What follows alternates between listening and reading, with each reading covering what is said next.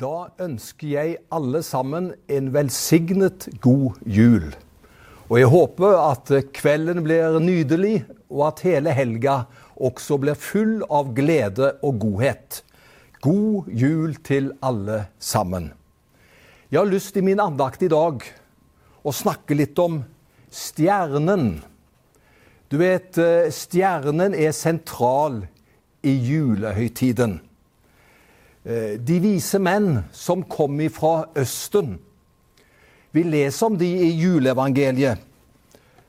Og i Matteus evangelium kapittel 2 så står det at de vise menn de ble ledet av stjernen.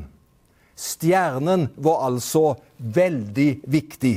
Og de fulgte stjernen, for de hadde lest og hørt om at når Messias skulle bli født, da skulle det vise seg en stjerne på himmelen.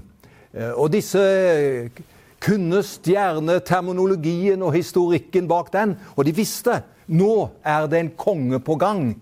En kongefødsel. Så de er spente, og de følger stjernen på himmelen.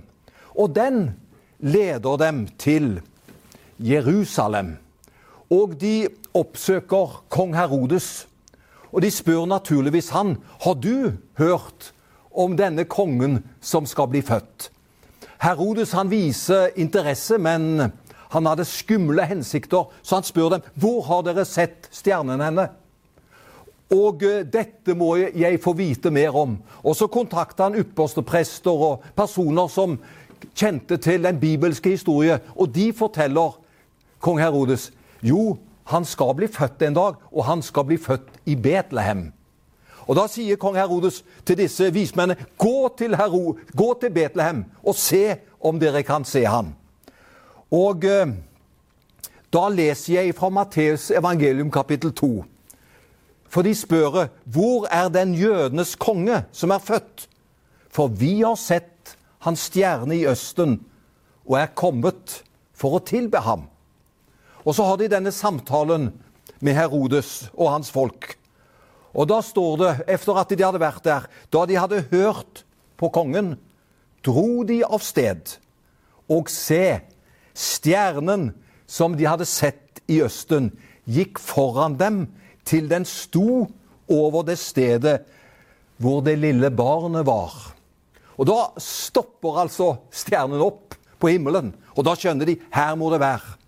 Og så ble de nok overraska når de skjønte bopelen til kongenes konge.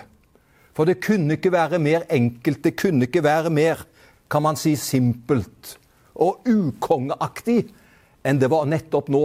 Men de skjønte det må allikevel være noe guddommelig, noe himmelsk, fordi stjernen viste dem det. Og det som jeg har lyst til å si til oss i dag, at stjernen den skinner i mørket. Og det var stjernen som klarte å vise de vise menn hvor Jesu barnet var. Stjernen lyser opp, stjernen viser vei. Og det har jeg lyst til å si til oss som en del av min hilsen til oss i dag. Stjernen er der fortsatt. Den er der for å lyse opp din hverdag, din fest. Den er der for å vise vei. Jeg vet ikke, men da jeg var liten, så så jeg opp mot stjernehimmelen når det var mørkt. Og jeg ble så imponert over alle stjernene. Og jeg kan gå en tur også en kald vinter, kveld og natt. Og så ser jeg når det er klart i været, alle disse stjernene som er på himmelen. Jeg blir jo imponert. Eh, stjernene forteller at jeg er liten. Og så forteller stjernen også det må jo være noe stort som er bak dem.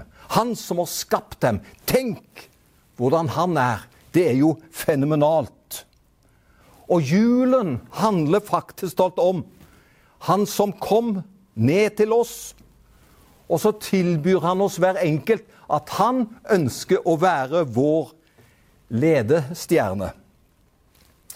Jeg sjekka litt at det vi kan se med vårt blotte øye, Når vi ser en klar, klar kveld i mørket og ser alle stjernene på himmelen Det vi kan klare å se fra jorden, det er ca. 7000 objekter som vi kan se på himmelen.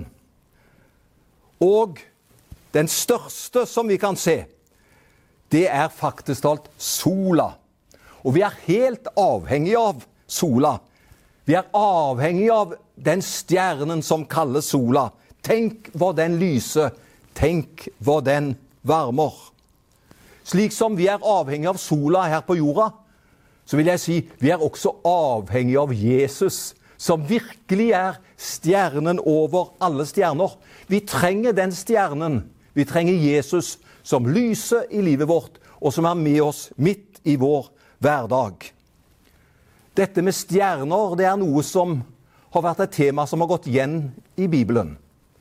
Første gangen jeg tenker nå på hvor jeg leser om stjerner i Bibelen, det er da Abraham Han hadde bedt Gud om å få en sønn når det så så vanskelig ut, og så er han motløs. Men en dag så sier Gud til Abraham Abraham, se mot himmelen. Og så gjør han det som mange har gjort. Så fikk han se alle stjernene. Det måtte være en, en sein kveld. Og så ser han alle stjernene på himmelen, og så sier Gud til ham, 'Ser du stjernene?' Ja, så mange som de stjerner som du ser. Så rik skal du bli. Tap ikke motet. Stjernene forteller deg det er noe som skal komme. Han telte stjernene, og det var løfte på hvor rik han skulle bli. Vi trenger ikke i dag å telle stjerner. Stjerna, Jesus Kristus, er nok for oss. Så du trenger ikke se det om etter stjerner, for det, det er naturlig for mange i dag å være opptatt av stjernestatus. Å være en stjerne på himmelen. Men vi teller ikke slike stjerner, og vi er heller ikke avhengig av dem. For stjerna Jesus Kristus, han er nok for oss. Han vil være til stede og berike vårt liv. Og tenk på, denne stjernen vil være med deg gjennom hele jula. Ja, det finnes stjernestatus her på jorda. Og mange i dag, de har en eller annen som er deres stjernestatus. Det finnes i idrettsverdenen, det finnes i kulturen, det finnes i filmverdenen osv. Det er sånne stjerner som kalles stjernestatus.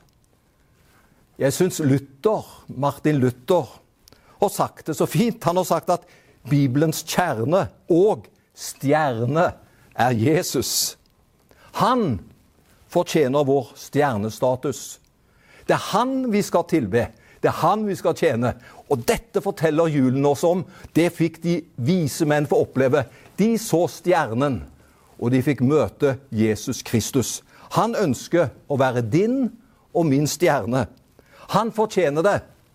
Og da trenger vi ikke være så opptatt av andre ting, for han er mer enn nok for oss. Nå ønsker jeg deg alt godt. Må du ha en kjempefin kveld og feiring hele høytiden.